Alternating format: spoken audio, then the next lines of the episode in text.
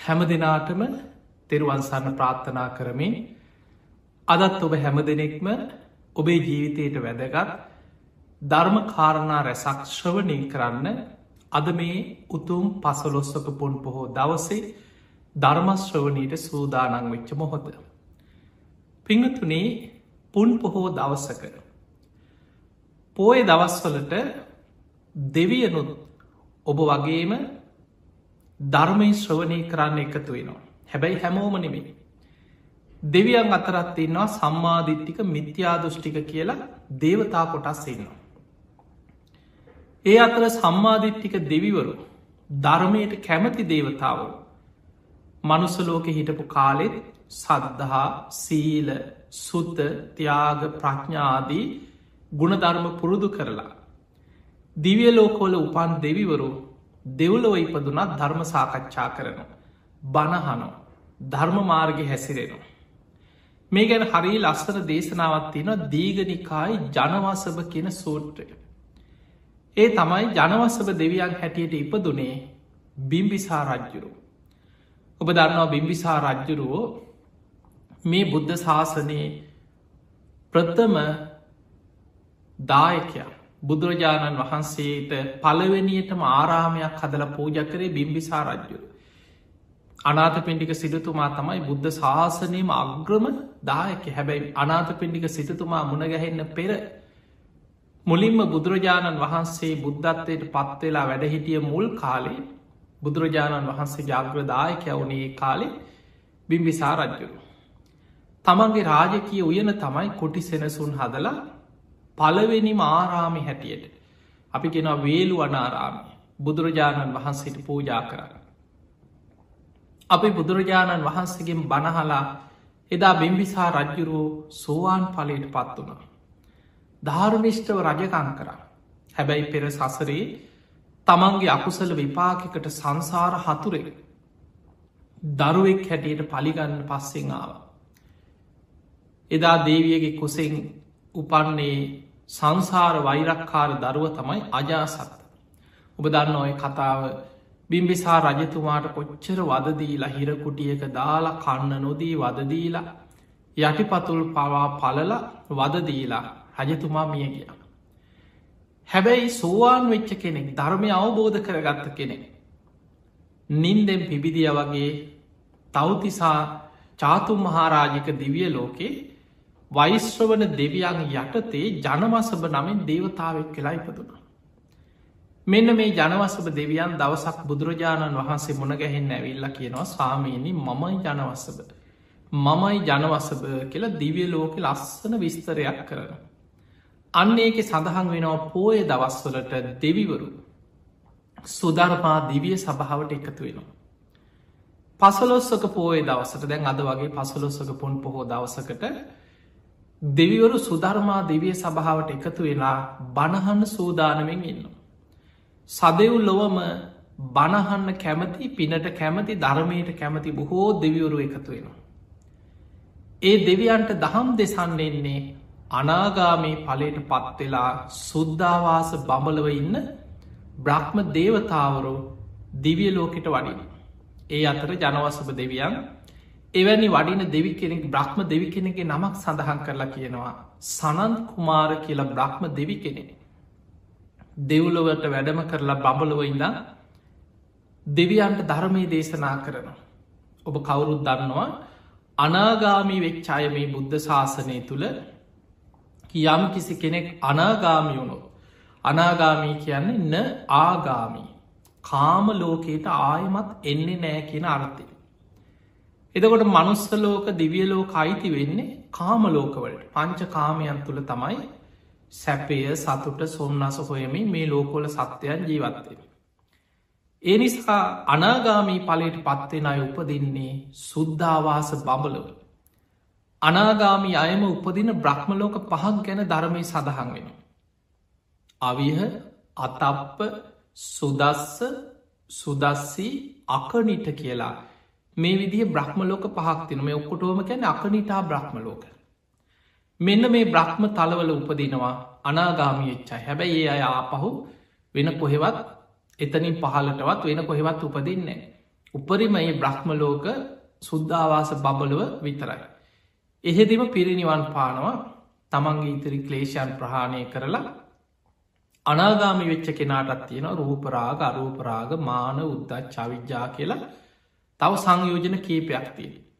ඒ සංයෝජන ප්‍රහාණය කරලා එහෙදි පිරිනිවන් පාන.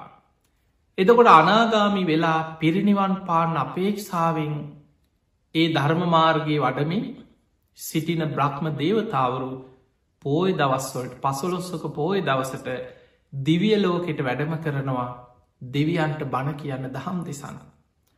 එහෙමනම් අපිට පේනවා මනුස්සලෝකයේ පින් ඇති අය සිල් ගන්නවා පෝය දවසට. තමන්ගේ පන්සලට වෙහෙර විහාරස්ථානවලට ගිහිල්ලා සිල් සමාදන් වෙනවා. ඒවගේම හදිස්සේවත් සිල් ගන්න යන්න බැරිවුණු සීලේට කැමති කෙනෙක් පෝය දවසට ගෙදර ඉඳං හරි සිල් සමාදන් වෙන. එහෙම සිල් සමාදන් වෙලා ගෙදර ඉඳං හරි බණහනවා. කොහොම හරි එදා දවසේ පුළුවන්තා ගුණධරම තමන් නිවසේ ඉඳං වෙන දට වඩා කැපවීමකින් ආරක්ෂා කරන. ඒ තමයි සීලේට ගරු කරන සීලේට කැමති පිනට කැමති කෙනාගේ තමන්ගේ දිනෙදා දින චරියාව ස්භාවේ. බුදුරජාණන් වහන්සේ පෙන්නුවේ මගේ ගිහි ශ්‍රාවකයන් නිත්‍ය සීලෙ හැටියට පංච සීලි ආරක්ෂා කරන. මතක තියාගන්න ගිහි ශ්‍රාවකයන්ගේ නිත්‍ය සීලෙ පංච සීලේ. එතන නිත්‍යයි නිත්‍යයි ගැන ඒ අයි කිසිම හේතුවක් නිසා මොනම හේතුවක් නිසා ඒ සික්ෂාපද බිඳගන්න නැතුව දිවිහිමියෙන් ආරක්ෂා කරගන්න දක්ෂ වෙන්නවා. මොකද ඔබ සමාදන් වෙන්නේ සෝවාන් වෙන කල අපි සාමාන්‍ය කෙනවා අතිසරණ සහිත පන්සිල් සමාදන් වෙන්න අතිසරණ සහිත පන්සේ සමාදන් වම කියල කියලා. ඒ තිසරණ සහිත පන්සේ සමාදන් වෙනවා කියන එක අර්ථය තමයි තිසරණේ තෙරුවන් සරණ යන බුද්ධන් සරණං ගච්ඡාමි දම්මන් සරණං ගච්ඡාමි සංගන් සරණං ගච්ඡාම. දුත්තියම්පි තතියම්පි කියල තුම් පාරක් තෙරුවන් සරණයන. ඊළඟට පන්සේ සමාදන් වෙන ගිහි ශ්‍රාවකි. ඔබ මොනවද මේ සමාදන් වෙලා තියෙන. මේ තමයි සෝතාපත්ති අංග හතර. ඔබ සමාදන් වෙන්නේ තිසරණ සහිත පන්සේ සමාදන් වෙනවා කියලා සමාදන් වෙලා තියෙන්නේ සෝතාපත්ති අංගවල ඔබ සමාදන් වෙන්න. සෝවාන් වෙච්ච පුද්ගලයාට පිහිට නංග හතරක් බුදු හාමුදුරුව පෙන්නවා. බුද්ධය අවිච්ච ප්‍රසාද යාට බුදුරජාණන් වහන්සේ ගැන අච්චල අවිච්ච ප්‍රසාදයක් පිහිටනවා. දම්මේ අවිච්ච ප්‍රසාදය. එයාට ධර්මය ගැන බුදුරජාණන් වහන්සේ දේශනා කරපු ධර්මය ගැන අච්චල සද්ධාවක් අවිච්ච ප්‍රසාදයක් පිහිටන. සංගේ අවිච්ච ප්‍රසාදයාට ශ්‍රාවක සංඝයා ගැන අච්චල සද්ධාවක් අවිච්ච ප්‍රසාදයක් පිහිටන. ඊළඟට ආර්ය කාන්ත සීලේ අන්න සෝවාන් විච්ච කෙනා ගිහි ශ්‍රාවකයෙක් නම් එයා පන්සිල් රකින කෙනෙක් නම් එයාගේ ආර්ය කාන්ත සීලේ තමයි පංචසීල. දිවිහිමියෙන් ඒ පංචසීල්ලේ අවබෝධයෙන් ආරක්ෂා කරන කෙනෙක් බවට තමන් පත්වෙන. එහෙමනම් අපි සෝවාන් වෙන්න පෙර මේ ධර්මමාර්ගය වඩන ශ්‍රාවකයා දිනපතා තිසරණ සහිත පන්සිල් ගන්නවා පන්සිල් ගන්නවා කියල සමාදන්න වනේ සෝතාපත්ති අංග හතර. හැබැයි ඒවා ස්තීරව තමන් තුළ නොකැඩී නොබිදී ඒක ස්තීරවම තමන් තුළ ඉන්ද්‍රිය ධර්ම හැටියට පිහිටන්නේ සෝවාන් පලේ ලබනකොට. එතකං අපි කොහොම හරි වැටි වැටි නැකෙටිනා වගේ ධර්මාවබෝධි පැත්තට තමන්ගේ අඩුපාඩු හදාගෙන පියවරෙන් පියවර යන ගමන. හැබැයි බුදුරජාණන් වහන්සේගේ ගිහි ශ්‍රාවකයා පෝය දවසට ඉස්සරනම් සතර පෝයට. පසලොසකට ඉතරක්නෙමේ ඉස්සර සතර පෝයටම බුදුරජාණන් වහන්සේගේ ගිහි ශ්‍රාවකයා උපෝසත සීලයක් ආරක්ෂා කරන. මොකදද මේ උපෝ සතේ. අංගුත්තර නිකාය තියෙන විසාකා උපෝසත සූත්‍රය. බොජ්ජංග උපෝසත සූත්‍රය. වාසෙට්ට උපෝසත සූත්‍රය කියලා උපෝසත සූත්‍ර පෙළක් තියෙන. මෙන්න මේ දේශනාවල් සඳහන් වෙනවා යමෙක් උපෝසතේ සමාදන් වෙනවා කියලා කියන්නේ එදාට යා රහතන් වහන්සේලා අනුගමනය කරන්න මහන්සි ගන්න දවස. සම්පූර්ණෙන් රහතන් වහන්සේ අනුගමනය කරන්න බෑ සාමාන්‍ය කෙනෙකුට කවදාව. හැබැයි එයා හිතනවා රහතන් වහන්සේලා දිවිහිමේ බ්‍රහ්මචාරී ජීවිත ගත කර ආරයන් වහන්සේලා. මම අද දවසි හරි දවසක් හරි මමත් බ්‍රහ්මචාරි ජීවිතයක් ගත කරන. රහතන් වහන්සේලා දෙවිහිමියෙන් නැටුම් ගැයුම් වාදන විසූක දස්සන මාලා ගන්ධ විලේපන ධාරණ මණ්ඩන ඔය මල් පැළඳ ගන්නේවා ආලේපන වර්ග නටනේවා සින්දු කියනේවා ගායනා කරනේවා විසූක දස්සන ඒවැන් වැල කියලා අවබෝධෙන් යුක්ත ජීවිතයක් බොහොම චාම් සරල ජීවිතයක් ගත කර අනේ මට එක දවසක් හරි පුළුවන්න අන්න එයා පසොලොස්සක පෝය දවසට හරි සතර පෝය වෙනුවෙන් හරි තමන් එදාට බොහොම සරල චාම් ඇඳුමකින්. සිවරුවාදින්නේ රහතන් වහන්සේලා කියලා. සුදු ඇඳුමක් සරල ඇඳුමක් සාමාන්‍ය උපාසකයකුට උපාසිකාවක්. ඊළඟට තමන් වෙනදට වඩා සිල්වත් කෙනෙක් කියල අනිත් අයට දැනගන්න. මොක දන්න ඇති නිසා අනිත් අයවිල්ල විසු ඔහුළු සුළු විසුළු කරන්න පුළුවන්. නොෙක් විදිහට එක්කරගෙන යන්න පුළුවන්. යන් යම් විනෝද වෙන්න. මොකද අපි දන්න සමාජයේ සුදු ඇඳලා ඉන්නේ සීල්ගන්න අය විතරක් නෙමේ අද සමාජගත්තොත් සමාට ලෝක හොරු නොඒක් විදිිය වැරදි අපරාධ කරන මිනිස්සු මුළු ඇගම සුදුවලින් වහගෙන ඉන්නවා. හැබැයි ඒ අය අතරින් සිල්ගත්ත කෙනා හොයාගන්න තමයි උතුරු සලුවක් යොදන්න. උතුරු සලෝබ දන්නවා සිල් ගන්නකොට වෙනම උතුරු සලුව කියලා සිල් ගන්න කෙනෙක් සලුවක් යොදාගන්න. එතකොට අනිත් අයි දැක්ක ගමන් අඳුන ගන්නවා මෙයාද උපෝසත සීලයක් සමාදන් වෙන්න කෙනෙක්. මේ කෙනා උපෝසත සිල් සමාදන් වෙලා අද උතුම් සීලයක් රකින දවසක්. එතකොට මේ විදිහට එයා තමන්ගේ ජීවිතය එදාට දවසක් හරි මහන්සේ ගන්න උතුම් ගුණ ධර්මයක් රකින. ඊට පස්සයා කල්පනා කර අනිත් දවස්වලට වගේ නෙමෙයි අනේ රහතන් වහන්සේලා දිවිහිමියෙන් විකාල් භෝජනය වැලකුණ මට එක දවසක් හරි පුළුවන්න. මමාද උපෝසත දවස විකාල් භෝජනෙන් වලකිනවා කියලා අන්න එදාට එයා ඒ සික්ෂාප දාරක්ෂා කරන. ඊට පස්ස කල්පනා කරනවා උන්වහන්සේලා මහා උසා ශාසන වටින ආසන සුපෝක භෝගී ආසන එතන කියන්නේ ඒ කාලෙ මිනිස්සු නින්දා පහස කරපු මහා වටිනා ආසන තිබිලතිය. සමහර සත්තු මරලා සතුන්ගේ ලොම් යොදාගෙන හම යොදාගෙන නිර්මාණය කරපු දේවල්. එතකොට කල්පනා කරනවා මං අද සරල බොහොම චාම් ජීවිතයක් ගත කරන්න. අද මං අවබෝධයෙන් යුක්තව මගේ ඉන්ද්‍රියන් සංවර කර ගනිමේ. මම රහතන් වහන්සේ අනුගමනය කරන දවසක් මං මේවැන් වලකිනවා. එතකොට ඔය විදිහට අෂ්ඨාංග උපෝ සත සීලෙ සමාදන් වෙන. ඒට අමතර තව කෙනෙකුට පුළුවන් පෝසත දසසීලි සමාදන් වෙන්න එතකොට ඔය විදිහට මේ ධර්මමාර්ගය වඩන ශ්‍රාවකයන් තමන්ගේ ජීවිතය තුළ උතුම් උතුම් ගුණ ධර්ම පංචසීලේට හා මොකද කෙනෙකුට පන්සේල් රකින කෙනෙකුට පුළුවන්න්න තවත් සික්ෂාපද කීපයක් එකතු කරගන්න. අපි කෙනවා ආජී වස්ටමක සීලේ. ආර්යෂ්ඨායක මාර්ගයේ තියෙන සම්මා වාචා සම්මා කම්මන්ත සම්මා ආජීව. මේ කරුණු තුනේ තියෙනවා අංග අටක් ආජීවාෂ්ටමක සීලේ. පෝයි දවස්වලට තමයි උපෝ සත අෂ්ඨාංග සීලේ එහෙම නැත්නම් උපෝ සත දස සීලේ සමාදන්වේ. තමන් කොහොම හරි තමන්ගේ ජීවිතය තුළ උත්තුම් සීලාදී ගුණධර්ම ආරක්ෂා කරන්න ජීවිතය පුරුදු කරගන්න. පිංහතුනි මතකතියාගන්න පෝය දවස කියලා කියන්නේ මකුළු දැල් කඩන්න ගේ අස් පස් කරන්න තියෙන දවස නෙවෙයි. බොහෝ වෙලාවට බොහෝ දෙනෙක් පෝය දවසට තමයි ඔන්න වැඩේ පටන්ගන්න ඕන් හිටනන් නිමාඩු පෝය දවස ගේ අස් කරන්න ඕන මකුළු දැල්ටි කඩන්න ඕන තනකොල්ටි කපලදාන්න ඕන රෙදිටික හෝදලදාගන්න ඕනෑ පෝය දවස කියන්න උපෝසතයේ රකින බණහන ගුණධර්මපුරණ දවස. එදාට වෙන වෙන වැඩදාගෙන එදාටත් ඔබ ප්‍රමාදයට පත්වෙන්න එපා අප්‍රමාදීව ගුණධර්ම පුරන්න දක්ෂවෙන.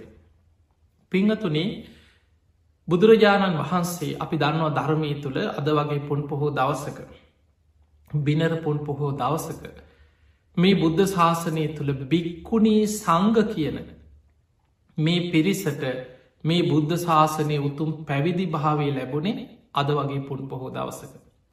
හැබැයි අපිට අහන්න ලැබෙන ඔබ බොහෝ වෙලාවට අද කරන දේශනාද තියෙන පොත් මේ පත්තරවල වෙන්න පුළුවන් පෝය ගැන සඳහන් වෙන විස්තර බොහෝ වෙලාවට දකින්න ලැබෙන්නේ භික්‍ෂුණී ශාසනය ආරම්භ වෙච්ච දවස. භික්‍ෂුණී ශාසනයක් කියල තියෙන විදියක් නෑ. කොහොමද භික්‍ෂුණී ශාසනය තියෙන්නේ. තියෙන එකම ශාසනය ඒ තමයි බුද්ධ ශාසනය. බුදුරජාණන් වහන්සේ තමයි ශාස්ෘන් වහන්සේ. උන්වහන්සේ තමයි ශාසනය පිහිටවන්න. භික්‍ෂූන් වහන්සේලාට ශාසනයක් නෑ. අපි ශ්‍රාවකයෝ. ශ්‍රාවකයන්ට වෙන වෙනම ශාසන නෑ. අපි කාටත් තියෙන්නේ භික්‍ෂූන් වහන්සේලාත් භික්‍ෂුණීන් වහන්සේලාත් අයිති වෙන්නේ සිව්වනක් ශ්‍රාවක පිරිසට මිසක්. ඒ අයට වෙන වෙනම ශාසන නෑ. බික්කු ශාසනයේ බික්කුණී ශාසනය උපාසක ශාසනය එහෙම ශාසනනෑ තියෙන් එකම ශාසනයයි තියෙන්නේ බුද්ධ ශාසනය ඒ බුද්ධ ශාසනය තුළ අපේ ශාස්තෘන් වහන්සේ තමයි ලෝතුරා බුදුරජාණන් වහන්සේ. උන්වහන්සේ තමයි ධර්මස්වාමී. උන්වහන්සේ තමයි මේ ශාසනය පිහිටෙවේ අපි ඒ ශාසනය තුළ පිළිසරණ ලබන පිහිට ලබන බුදුරජාණන් වහන්සේගේ ශ්‍රාවකයෝ පමණයි. ඒ ශ්‍රාවක පිරිස බුදුරජාණන් වහන්සේ පෙන්වා කොටස් හතරක් එන්නවා. බික්කු බික්කුණි උපාසක උපාසිකා. ඒ අයි ශ්‍රාවකයෝ සිව්වනක් ශ්‍රාවකයෝ. ඒ පැවිදි වෙච්චායට කෙනා බික්කු සංග ඒ අයි සංග කියන කොටසට අයිති වෙනවා. පැවිදි වෙච්ච භික්‍ෂුණීන්ට කියනවා බික්කුණී සංග කියලා. එතකොට ඒ අයි බික්කුණේ සංග කියන කොටසට අයිතිවෙන. ගිහි ශ්‍රාවකයෝ ගිහි ජීවිතය තුළ තෙරුවන් සරණ ගිහිල්ල පන්සයි සමාදන් වෙලා උපාසක උපාසිකාවන් බවට පත්වෙන. එහෙමයි දේශනාව තියෙන දැන් අපි දන්නවා. දැන් අද අපි ගත්තහම් බොහෝ වෙලාවට බෞද්ධය. කොහොමද ඔයා බෞද්ධ වනේ? අපේ ඉතින් අම්මල තාත්තල බෞද්ධන. අන්න එහෙම තමයි බොහෝ දෙනෙ බෞද්ධ වෙලාතිය එතකොට අපේ අම්ම තාත්ත බෞද්ධ නිසා එක්ක තාත්ත බෞද්ධ නිසා අර උපැන්න සහතිකයට ලියන ආගම ආබෞද්ධ. ඊට පස්සයා හිතනවා අදැන් අපි බෞද්ධ. බුදුරජාණන් වහන්සේගේ කාලේ උන්වහන්සේ සරණ ගිය ශ්‍රාවකයෝ ආර්ය ශ්‍රාවකයෝ බවට පත්වනේ බණහලා. ධර්මය අහලා ඒ ධර්මය අහල අවසන් වෙලා ඔබ බොහෝ දේශනාහන් සූට්ට පොත් බණපොත් පෙරලල කියවන බුදුහාන්දුරන්ගේ දේශනා ඒ කාලෙ කොහොමද ශ්‍රාවකය තෙරුවන් සරණ ගිය කියලා. ඒ අයි බුදුරජාණන් වහන්සේගේ දේශනාවක් බොහෝම සද්ධාවෙන් ඒ බණහන උන්වහන්සේ මොකක්ද මේ කියන්න කියලා දේශනා හොඳට අහන. අහල ඉවර වෙලා අවසානකි නො සාමීනේ මේ දේශනාව හරියට වහල තිබ්බ දෙයක් ඇරලා පෙන්නවා වගේ. අන්දකාර හිටපු කෙනෙකුට ආලෝකයක් පහල කරලා දුන්නා වගේ. මම්මුලා වෙච්ච කෙනෙකුට පාරක් පෙන්වා වගේ මේ තතාගතයන් වහන්සේගේ මේ දේශනා සාමීනී අද පටන් අපේ බුදුන් සරණ යනවා. අද පටන් අපි ධර්මය සරණ යන. අද පටන් අපි ශ්‍රාවක සංඝයා සරණ යන. අපි මේ බුද්ධ ශාසනයේ උපාසක උපාසිකාවන් හැටියට පිළිගන්න සේක්පා කියලා අන්න එහෙමයි තෙරුවන් සර අවබෝධයෙන් තිසරණයට පත්වෙන. අවබෝධයෙන් තිසරණය පිහිටන. එහෙම තිසරණය පිහිටන කෙනා මේ ධර්මය කියන්න මොකක්ද පින් පව් කියන්න මොකක්ද කුසල් අකුසල් කියන්න මොනවද හොඳ නල්ක කියන්න මොනවද මෙලෝ පරලෝ විශ්වාසය මතකතියාගන්න අවබෝධයෙන් තිසරණය පිහිටන්න නම් ලෞකික සම්මාධිට්ටි ඇති කෙනෙක් වෙන්නට ඕන. ලෞකික සම්මාධිට්ටිය අපි එකට ධර්මය කියනවා කම්මස්ස කතා සම්මාධිට්ටිය කියල. අන්නේ කම්මස්ස කතා සම්මාධිට්ටිය ලෞකික සම්මාධිට්ටිය ඇති කෙනා අවබෝධෙන් තිසරණී පිහිටන. එය අවබෝධෙන් පිහිටන යා දන්නවා දානී විපාක කියල දෙයක් තියෙනවා. අපි කරන යහපත් දේවල් වල විපාකයක් ලැබෙනවා. අපි කරන පිම් පව්වල විපාක ලැබෙනවා. සැපදුක් කර්මයන්ගේ විපාක තමන් කරාමේනවා. මෙලවක් තියෙනවා. පරලවක් මරණින් මත්තේ උපතක් තියෙන එතන මෙලවක් කියන්න අපි පෙර සසරේ රැස්කරගත්ත කරමය මතයි මේ ජීවිතය අපි ඉපදුනේ අපි පෙර වපුරපු දේවල් අද නෙලනවා. අද වපුරණ දේවල් අපි අනාගතේ අස්වන්න නෙලාගෙන යන සංසාර ගමන. අන්න කර්ම කරප්පල ගැන හොඳ දැනුමක් අවබෝධයක් ඇති වෙනවා. ඊළඟට එයා විශ්වාස කරනවා මවුට සැලකීමේ විපාක තියෙනවා. පියාට සැලකීමේ විපාක තියෙනවා. ඕපපාතික සත්‍යයන් ලෝකෙ ඉන්නවා. තමන්ගේ නුවනින් ජීවිතය අවබෝධ කරලා ප්‍රකාශ කරන ශ්‍රමණක් බ්‍රාහ්මණවලු ලෝකෙ පහළ වෙලාඉන්නවා. අන්න එතනති තමයි හර කර්ම කරම්පල පින්පව් මෙලෝ පරල පිළිගත්ත කෙනා. තමන්ගේ නුවනින් ජීවිතය අවබෝධ කරලා ප්‍රකාශ කරන ශ්‍රමණක් බ්‍රාහ්මණවරු ලෝකෙ පහළ වෙනවා. ඒ තමයි බුදුරජාණන් වහන්සේ. ගුරූපදේශ රහිත තමන්ගේ නුවනින්ම සසර පාරමී පුරලා බෝධිමූලයේ සම්බුද්ධත්වයට පත්වනේ. සම්මා සම්බුද්ධත්වයට පත්වනේ ගිස්සිම ගුරුවරයගේ උපදේශයක් නැතුව තමන් වහන්සේ විසින්මයි මේ ධර්මය අවබෝධ කරගත්ත. අන්නේ බුදුරජාණන් වහන්සේෝ මගේ ශාස්තෘන් වහන්සේ හැටියට. මං පිළිගන්නවා කියන තැනට ඇවිල්ල අවබෝධයෙන් බුද්ධන් සරණාමි සරණං ගච්ඡාමි කියල බුදුන් සරණය. ඊළඟට එයා මේ බුදුරජාණන් වහන්සේ දේශනා කරන ධර්මය නිවන් මඟ වැඩ පිළිවෙල. මේ තමයි සසරෙන් මිදන්න තියෙන එකම මාර්ගය මම දිවිහිමීන් මේ මාර්ගයේ සරණ යනවා කියන තැනට ඇවිල්ලා දම්මන් සරණං ගච්ඡාම කියලා අන්නේ අවබෝධයෙන් ධර්මී සරණ යනවා. ඊළඟට මේ මාර්ගය වඩලා ප්‍රතිඵල ලබපු සෝවාන් සකදාගාමි අනාගාමි අරහත් ශ්‍රාවකයෝ කියන්නේ අපේ ගමනේ පෙර ගමන් කරු. යදිදන් චත්තාරි පුරිස යුගානි අට්ට පුරිස පුද්ගලා. යුගල වසයෙන් හතර දෙනෙක්කින්න.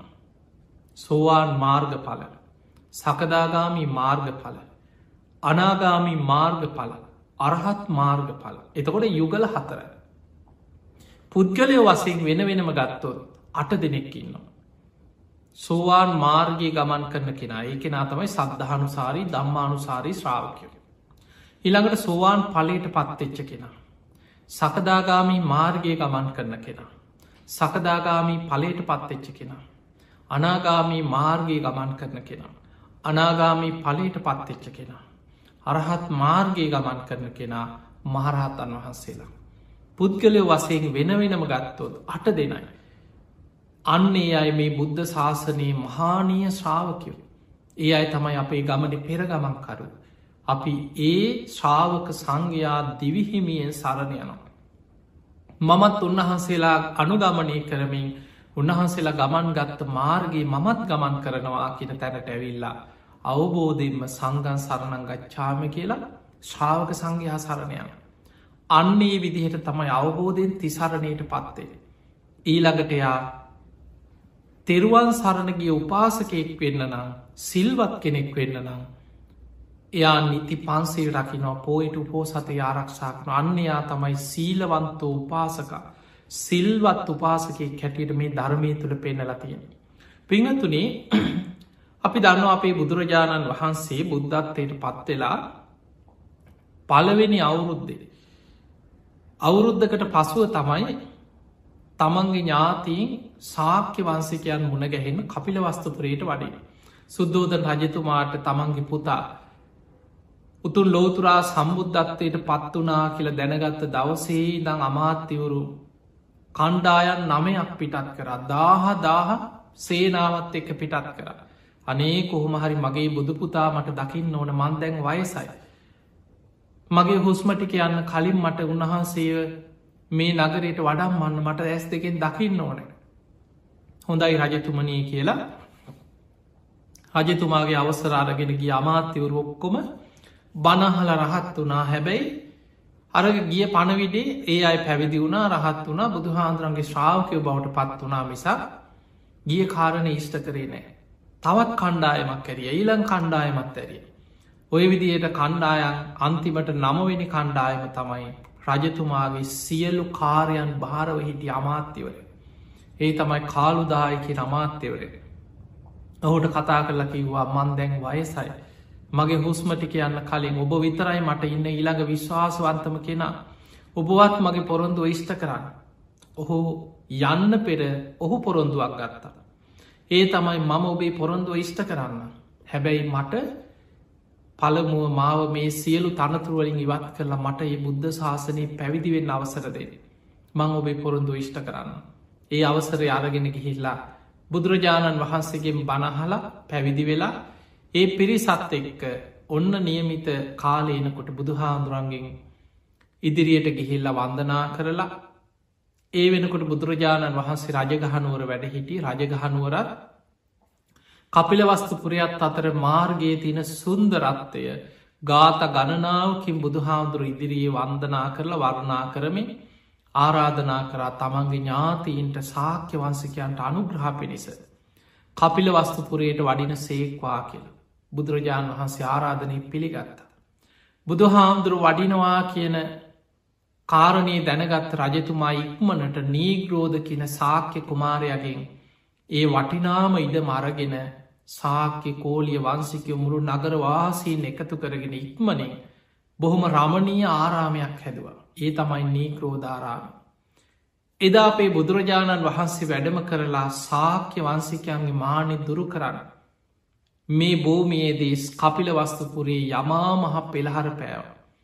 බුදු සිරුරෙන් ගිනිදැල් විහිදෝමින් ජලදහරා විහිදෝමින් යමා මහ පෙළහර පැව.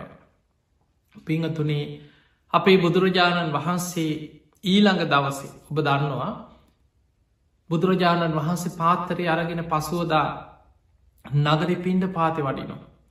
සුද්දෝදන් රජතුමාට මේ ආරංචි වෙලා උන් හිටි තැන් අමතක වුණා. දුවගෙන දුවගෙන ගිහිලා මහ පාරම වන්දනා කළ කියන අනේ බුදුපුතේ අපිට ලැජ්ජ කරන්න එපා. අපි සාක්‍ය වන්සිකයෝ. අපි කාගෙන්වත් මෙහෙම ඉල්ලගෙන ඇපිච්ච පිරිසක් නෙමෙයි. ඒවිලි බුදුරජාණන් වහන්සේ වදල් රජතුමනි ඔබ සාක්‍ය වන්සේ බව ඇත්ත හැබැයි මම දැම් බුද්ධ වන්සේට අයිති කෙනෙ මේ තමයි බුද්ධ වන්සේ චාරිත්‍රී බුදු හාමුදුරන්ගේ ශ්‍රාවකයන්ගේ ක්‍රමේ බුදුවරුන්ගේ ක්‍රමය ඒවෙලේ බුදුරජාණන් වහන්සේ පාත්‍රය අතේතියාගෙන් රජතුමාට ගාථාවකින් දහම් දෙසුව මහපාරය. ඒ බණහලා ඒ තැනම සුද්දෝදන රජතුමා උතුම් සෝවාන් පලට පත් වුණ.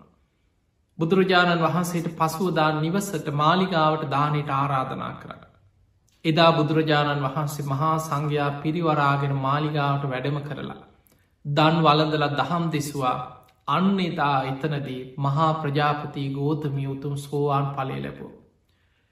ඊට පස්සෙත් කීප වතාවක්ම බණහලා මහා ප්‍රජාපති ගෝතමිය සකදාගාමියාදී මාර්ගපල් ලැබූ.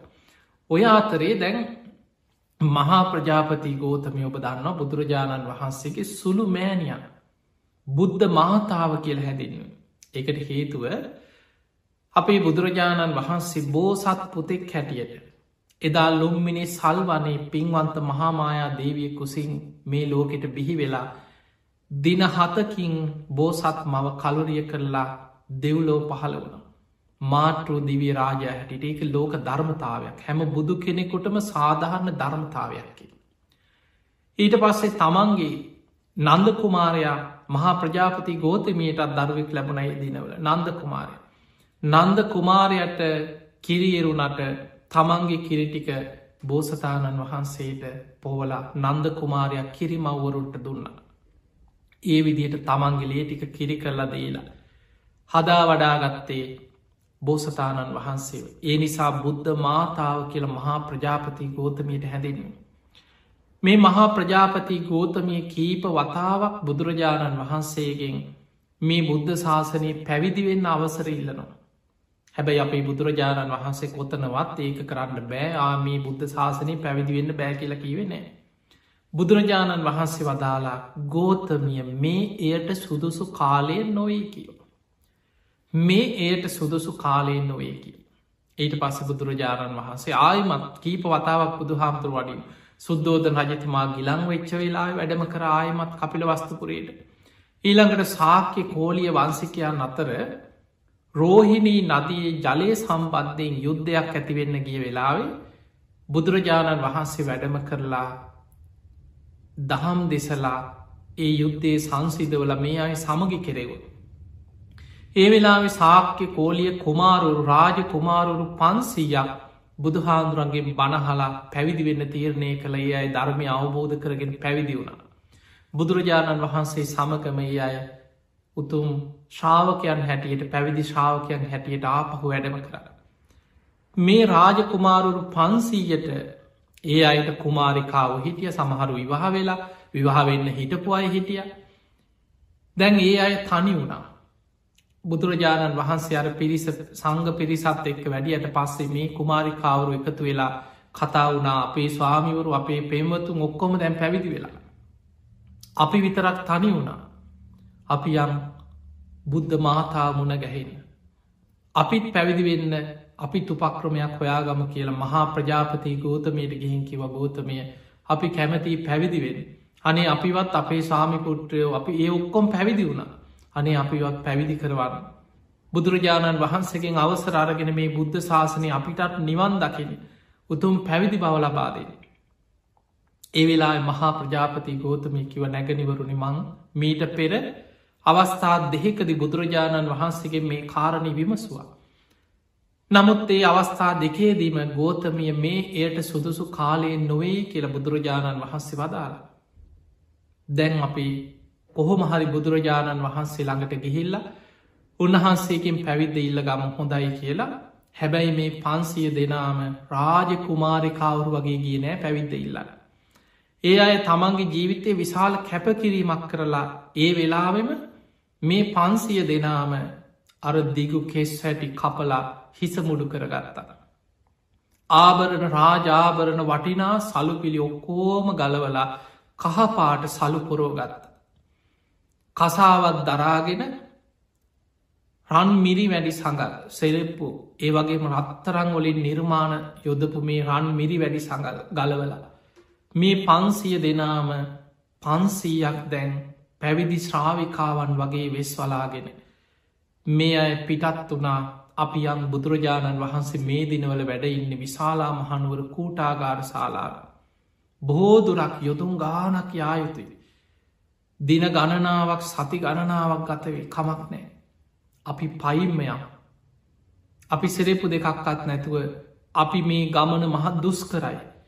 පැවිදි ජීවිතය කියන්නේ ලේසි දෙයක් නෙමේ ජීවිතයේ බොහෝ දුක්ග හැට විදින සිද්ධ වෙන පුළුවන් හැබැයි අපි බුද්ධ ශාසන වෙනුන්ගේ කැපකිරීම කරමු කියලා පන්සීයක් දෙනා අර විසා අර නගරයෙන් පිටත් වෙලා කපිලවස්තුපුරයෙන් පිටත් වෙලා විශාලා මහනුවරට ගමන පිටත් එච්ච වෙලාවෙ සාක්‍ය කෝලිය රාජ කුමාරවරු කරත් අරගෙන ඇවිල්ල කිව්වා මේ කරත්තවල නගින් ඔහොම යන්න එපා අපි ගිහි ලැරලන්න සමහරු කිව යන්න එපා පිළිගත්තනේ. අවසානය කරත්තවලින් එක් කියන්න හැදුව. ඒත් කිවන්නෑ අපි කරත්තවලින් ගිහිල්ල බැස්සොත් බුදුරජාණන් වහන්සේ හිතාව මේ අයට මේ ශාසනය තුළ මේ දුස්කර ප්‍රතිපද අනුගමනය කරන්න අමාරුයි.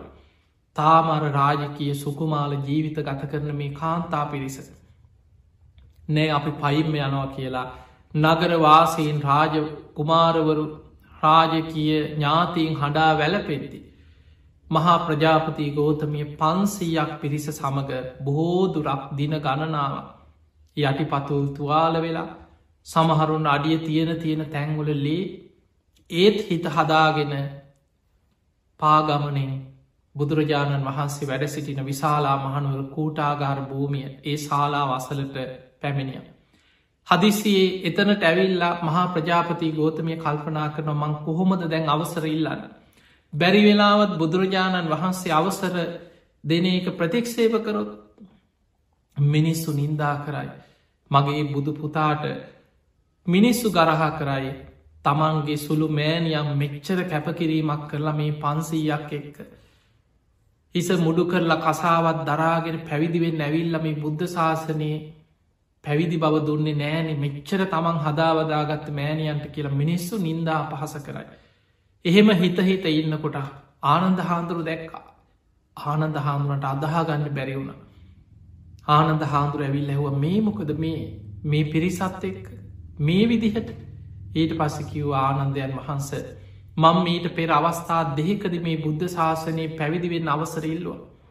බුදුරජාණන් වහන්සේ ගෝතමිය මේ ඒට සුදුසු කාලයෙන් නොවේ කියව. අපි මේ පිරිසම බුද්ධ ශාසනය පැවිදිවෙන්න බුදු හාන්දුරගෙන් අවසර ගන්න බලාගෙන මේ පාගමනින් ආපු වෙලා ආනන්ද හාන්දුරු දැක්කා තමන් මේ පිරිසගේම මේ කකුල් තුවාල වෙලා ලේ ගලනවා ඉදිමිලා අඩිය තියෙන තැංගොල බිමලේ ආනන්ද හාන්දුරන්ට අනුකම්පාව ඇති වුණා ආනන්ද හාන්දුරකි නොහොම ඉන්න මං බුදුරජාණන් වහන්සේ මුණගැහිල මේ කාරණය කතා කරලා අවසර ගන්නන් කියලා. ආනන්ද හාන්දුරු බුදුරජාණන් වහන්සේ මුණගැහිලා ඔබ දන්න ආනන්ද හාන්දුරු තමයි අපේ බුදුරජාණන් වහන්සේගේ අග්‍ර උපස්ථායකයන් වහන්සේ. බුදුරජාණන් වහන්සේගෙන් යං කාරණයක් දැනගන්න ආකාරය අනික් කාටත් වඩා හොඳින්ම දන්න ආනන්ද හාතු. ආනන්ද හාමුදුරු ඉස්සරලා මහන ස්වාමීණි භාග්‍යතුන් වහන්ස කාන්තාවන්ට නිවන් දකින්න පුළුවන් දැහව මේ ශාසනය. බුදුරජාණන් වහන්සේ වදාළ ආනන්දය කාන්තාවට නිවන් අවබෝධ කරන්න පුළුවන්. සාමීනි භාග්‍යතුන් වහන්ස අතීත බුද්ධ ශාසනවලත් කාන්තාව නිවන් අවබෝධ කරලා තියෙනවද. එහෙම යානන්ද අතීත බුද්ධ ශාසනවලත් කාන්තාව නිවන් අවබෝධ කරගෙන තියෙනවා. ඒ අතීත බුද්ධ ශාසනවලත් කාන්තාව පැවිදි භාවයට පත්වෙලයි බුද්ධ ශාසනය වැඩහිටිය එහෙම යානන් ඔය කාරණාව කෝමානන්ද හාමුදුරුව විමසලා ඊට පස්සෙ මහා ප්‍රජාපති ගෝතමියගේ ගුණවරණා කරනවා. සාමීනී භාකතුන් වහස මහා ප්‍රජාපති ගෝතමි ඔබහන්සේගේ සුළු මෑණියන් ඔබහන්සේගේ මෑණියන් ඔබහන්සේ මවකුසින් ඉපදිලා දින හතකින් කලුරිය කරලා දෙව්ලෝ ඉපදුන. එදා ඉදම් තමන්ගේ දරුවා කිරි මවවරුන්ට නන්ද කුමාරයා ලබාදීලා තමන්ගේම පුතෙක් වගේ තමන්ගේ ලේටික කිරි කරලා දීලා ඔබහන්සේව හදා වඩාගත්තේ මහා ප්‍රජාපති ගෝතමි. මෙහෙම කරුණු කියමින් ආනන්ද හාමුදුරු බුදුරජාණන් වහන්සේගෙන් නැවත නැවත ඉල්ලීම් කරා ස්වාමීනී භාකතුන් වහන්ස කාන්තාවන්ට මේ බුද්ධ ශාසනයේ පැවිදි භාවේ ලබා දෙන සේක්වා. මහා ප්‍රජාපති ගෝතමි ඇතුළ මේ පිරිස ගැන අනුකම්පාවෙන් ඒ අයට බුද්ධ ශාසනයේ පැවිදිවෙන් අවසර දෙන සේක්වා. බුදුරජාණන් වහන්සේ ආනන්ද හාදුරට කෙන ආනන්ද. ඒ සඳහා අෂ්ටගරු ධර්ම පණවන්න සිද්ධ වෙනවා. මේ පිරිස කැමතිනම් මේ අෂ්ටගරු ධර්ම ආරක්ෂා කරන්න ඒවා දිවිහිමියෙන් රකින්න ඒ අයට මේ බුද්ධ ශාසනය පැවිදිවෙන් අවසර දෙන්න පුළුවන්. අන්න බුදුරජාණන් වහන්සේගෙන් අෂ්ටගරු ධර්ම ගැන දැනගෙන ආනන්ද හාමුදුරුව මහා ප්‍රජාපති ගෝතමය ඇතුළු පිරිසව දැනුවත් කර. බුදුරජාණන් වහන්සේ කැමති හැබැයි මෙන්න මේ අෂ්ටගරු ධර්ම ආරක්ෂා කරන්නට ඕන. ඒ අය පුදුම සතුටකින් අපි දිවි හිමියෙන් මේ වාරක්ෂා කරනවා කියලා කැමති වුණ. අද වගේ පොන් පොහෝ දවසක තමයි මේ බුද්ධ ශාසනය තුළ මහා ප්‍රජාපති ගෝතම ඇතුළ මේ පන්සීයක් පිරිසට මේ බුද්ධ ශාසනය තුළ උතුම් පැවිදි භාවේ ලැබුණි පැවිදි උප සම්පදාවේදා ලැබුණි. පිංහතුන ඒ නිසා තමයි බික්කුණී සංග කියන කොටසමේ බුද්ධ ශාසනය ඇති වුණේ අද වගේ පුන් පොහෝ දවස කියරන්න බික්කුණී ශාසනයක් නෙම බික්කුණී සංග බුද්ධ ශාසනය මිසා බික්කු ශාසනීවත් බික්කුණේ ශාසනයවත් උපාසක ශාසනයක්ත් උපාසිකා ශාසන වෙන වෙනම නෑ අපි කවුරුත් බුදුහාන්දුරන්ගේ ශ්‍රාවකයෝ. ඒ නිසා එවැනි උතුම් පොන් පොහෝ දවසක අපිට පුළුවන්නම් අද දවස වෙනදට වඩා දවස පුරා බණහන් ගුණධර්මපුරන් සාමාන්‍ය ඔබ හිතන්න ඔබට අද පන්සලට ගිහිල සිල්ගන්න බැරි වුණනා කියල පන්සලේ සිල්ගන්න ගොඩාකයි ලෝකෙ පුරා සමහල්ලාට විදේශ රටවල ගත්තහම ඒ අයට ඒ දවස සමහල්ලාවට සතිය දවසක් නම් ඒ අයට එදාට වෙන නිමාඩුවක් නෑ හැබැයි ඒ අයි හවසට හරි පුළුවන් විදිහට තමන් බණටික අහනවා. ඔබට අඩු අඩුගාන හදිසී හරි අද මග ඇරුණ ගෙදර ඉදං හරි දවසම කල්පනා කරන්න කමක් නෑ අද ගෙදර ඉදං හරිමන් දවසම බණහනවා. ඕන තරං ඔබට ගුවන් ඉදිලි නාලිකාවල රූපාහිනී නාලිකාවල අන්තර්ජාලය අද දවස පුරා බණහන්න ඕන තරන් ධර්ම කරුණු ඔබට හොයාගන්න බණහන්ඩ පුළුවන්. ඒ නිසා බණෑසීම කියන්නේ මහා වටිනාදයක් වෙන දට වඩා උපෝසත දවස පසොලොස්සක පෝය දවස තමන්ගේ ජීවිතයේ උතුම් මිනිස්කුණ ධර්ම ආරක්ෂා කර ගනිමින් ගත කරන්න ඔබ දක්ෂවේ. අන්න එතකොට අය ඔබට මේ බුද්ධ ශාසනය තුළ සීලේ කියන්නේ මහ විශාල් පිනා. පිංහතුනි අපි පින ගැන ත්‍රිවිධ පුුණ්‍යයක් ක්‍රියා ගැන ඔබහල ඇති. දාන සීල භාවනා. ත්‍රිවිධ පුුණ්‍යයක් ක්‍රියාවන් දාන සීල භාවන. දානය කැන විශාල පිනා. දානයටත් වැඩි අග්‍ර පිනක් තමයි සීලෙමයි පින. පිනාතර අග්‍රම පින තමයි භාවනාමය පින. එතකොට දානයටත් වැඩි බුදු හාමුදුරු පෙන්නවා දානයටත් වඩා විශාල පිනක් රැස් කරන්න පුළුවන් සිල්වත්වීමතුළ. ඒ නිසා ඔබ අද දවසේ අද විශේසේ ඔබේ ජීවිතය තුළ ඒ උතුම් සීලාදී ගුණ ධර්ම නැවත නැවත මෙනෙහි කර ගනිමින් ආරක්ෂා කරග. මේ සීලේ දැන් අද අපි ගත්තහම ලංකාවේ. අපි දන්නවා බොහෝ වෙලාවට අපි කාලයක් අවුරුදු ගණනාවක් ධර්ම දේශනා කරලා වැඩ සටහන් කරලා භාවනා වැඩ සටහන් කරලා සිල් වැඩ සටහන් කරලා ලෝකෙ පුරාමත් බොහෝ රටවලත් බෞද්ධ එකතු කරගෙන පින්කං කරලා අපි දන්නවා සාමාන්‍යයෙන් අද මිනිස්සු සිල් ගන්නවා. හැබැයි ඒක බොහෝ දෙනෙකුට චාරිත්‍රයක්. අවබෝධ ඇයි අපි සිල් ගන්න? සීලෙන් මොන වගේ අනුග්‍රහයක්ද අපේ ධර්මාවබෝධයට ලැබෙන ඔය ගැන අවබෝධයෙන් සිල්ගන්නවා නෙමෙන. සමහරු පන්සිල් ගැනීමත් චාරිත්‍රයක් බවට පත්වෙලා තියෙන අද. දැම් බලන්න ඔබ. සමහරු එක සමහර දේවල් යහපත් තමයි. හැබැයි ඒක අවබෝධෙන් තේරුම් ගන්න. දැන් අපි ස්කෝලි පටන් ගන්න කලින් ළමයි හැමෝම තිසරණ සහිත පන්සේ සමාදන් වෙලා බුදුන් ඇඳලා පාසැලේ වැඩ කටයුතු පටන්ගන්න. ඒක හොඳයි. හැබැයි ඒ අතර ඔබට පුළුවන්නම් ඒ දරුවන්ට සීලේ කියන්න මෙන්න මේකයි මේක වටිනාක මේකයි කියලා විනාඩි පහක් අර පන්සේ සමාදන් කරන වෙලාවෙ වටිනාකම දැනුවත් කරන්න ටික ටික ටික ටික දරුවන්ට සීලයේ අපි සිල්ගන්න මේ වගේ වටිනාකමක් මේ සීලේ අපිට තියෙනවා මෙහෙම පිනක් රැස්සෙනවා කෙළේ දරුවෝ කාලයක් යනකොට අවබෝධයෙන් සිල් රකින්න පුරුදුවෙන. සාමාන්‍යෙන් ඔබ දන්න රැස්වීන් සාලාවක අපි ගම්මොකක් හරි රැස්වීමක් තියෙනවා කියලා. ඒ හැම රැස්වීමකම න්‍යාය පත්‍රයේ බලන් පළවෙනි අටම තියෙනමකක්ද. තිසරණ සහිත පන්සිල් සමාදන් වී ඔන්න රැස්වීම මුලින්ම තිය. ඊළඟට පොල් තෙල් පහන දැල්ලේ. මූලාසන කතා ඔහම තමයි තින් රැස්වීම් වාර්තා. එතකොට එතන තිසරණ සහිත පන්සිල් ගන්නවා ඒක චාරිත්‍රයක් මිසක් ඇත්තටම මොකක්ද මේ සිල් සමාදන් වෙච්චිකි අර්ථය මං මේ සික්ෂාපද දිවිහිමියෙන් රැකගන්න ඕන නේද. අද දවසපුරා මං මේ සික්ෂාපද ආරක්ෂා කරන්න ඕන නේද කියන හැඟීම නෑ. ඔය නිකං චාරිත්‍රයක් ඉෂ්ට කරනවගේ සිල්කර. එතකොට ඔය වගේ අද බොහෝ වෙලාවට සමහර මස්කඩයක් පටන් ගත්තා මොන දුරාචාර් ව්‍යාපාරය පටන් ගත්තා. එක්කෝ මත්කුඩු වෙලදාම පටන් ගත්තාත් පොල්තේ පහන දල්ල තිසරණ සහිත පන්සිල් සමාදන් වෙලා තමයි බොහෝ දෙනෙක් වැඩේ පටන්ගන්න. එදකොට අපිට පේනවා මේ අවබෝධයකින් සීල් රකි නොන මේ බොහෝ දෙන. පිංහතුනි සීලේ කියන්නේ කය වචනය තුළ ඇතිකර ගන්න සංවරකම. ඔබ සික්ෂාපද සමාදන් වෙනට මං කොහොමහරි මගේ අඩුපාඩු හදාගන්නවා කියලා පන්සිල් සමාදන් වෙන වෙලාවිහෝ අටසිල් දසසිල් හෝ උතුම් සීලයක් සමාදන් වෙදදි ලොකු පිනක් රැස්සෙන. එකට කෙනව සමාධාන සීලය. හැබැයි ඒ සික්ෂාපදවල විශාලම පින රැස්වෙන්නේ විරති සීලය කියල් හඳුන්නනවා. ඔබ ඒ සික්ෂාපද බිදෙන් අවස්ථාවල් එනකොට කෙලෙස් තවන වීරියෙන් සිහියෙන් නුවනෙන් නෑ මම සිල් සමාධන් වෙච්ච කෙනෙක්. මං මේ වැරැද්ද කරන්නේ නෑ.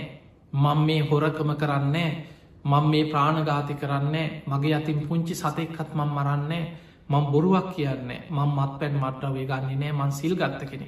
ඒ විදිහට තමන්ගේ සීලේ මෙනෙහි කර කර ඔබට පුළුවන්නන් තමන්ගේ අඩුපාඩු හදාගෙන කයවචනය අවබෝධයෙන් සංවර කරගන්න. අන්න ඒ වෙලාවට විරති සීලේ වලකිනෝ. වරදෙන් වැලකීම සීලේ මෙනෙහි කරලා වරදිින් වලකිනු.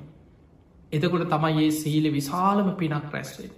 ඒ නිසා දවස පුරා සික්ෂාපද ගැන සිහියෙන්ගෙන.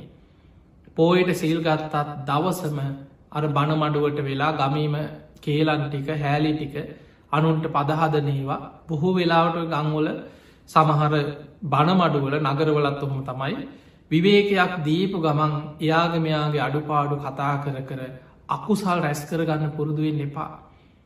තමන් කල්පනා කරන්න සිල්ගත්තා කියලා කියන්නේ සිල් රෙදි පොරෝගත්තා කියන එක නෙමේ සිල්ගන්නවා කියන එක කය වච්චනය අවබෝධයෙන් සංවර කරගෙන එදා දවසි උතුම් මිනිස් ගුණධර්ම ආරක්ෂා කරන දවසා.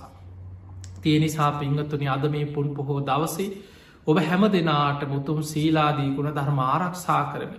උතුම් ධර්මයම අවබෝධ කරගන්න වාසනාව ලැබේවා ලැබේවා කියලපි ආශිර්වාද කර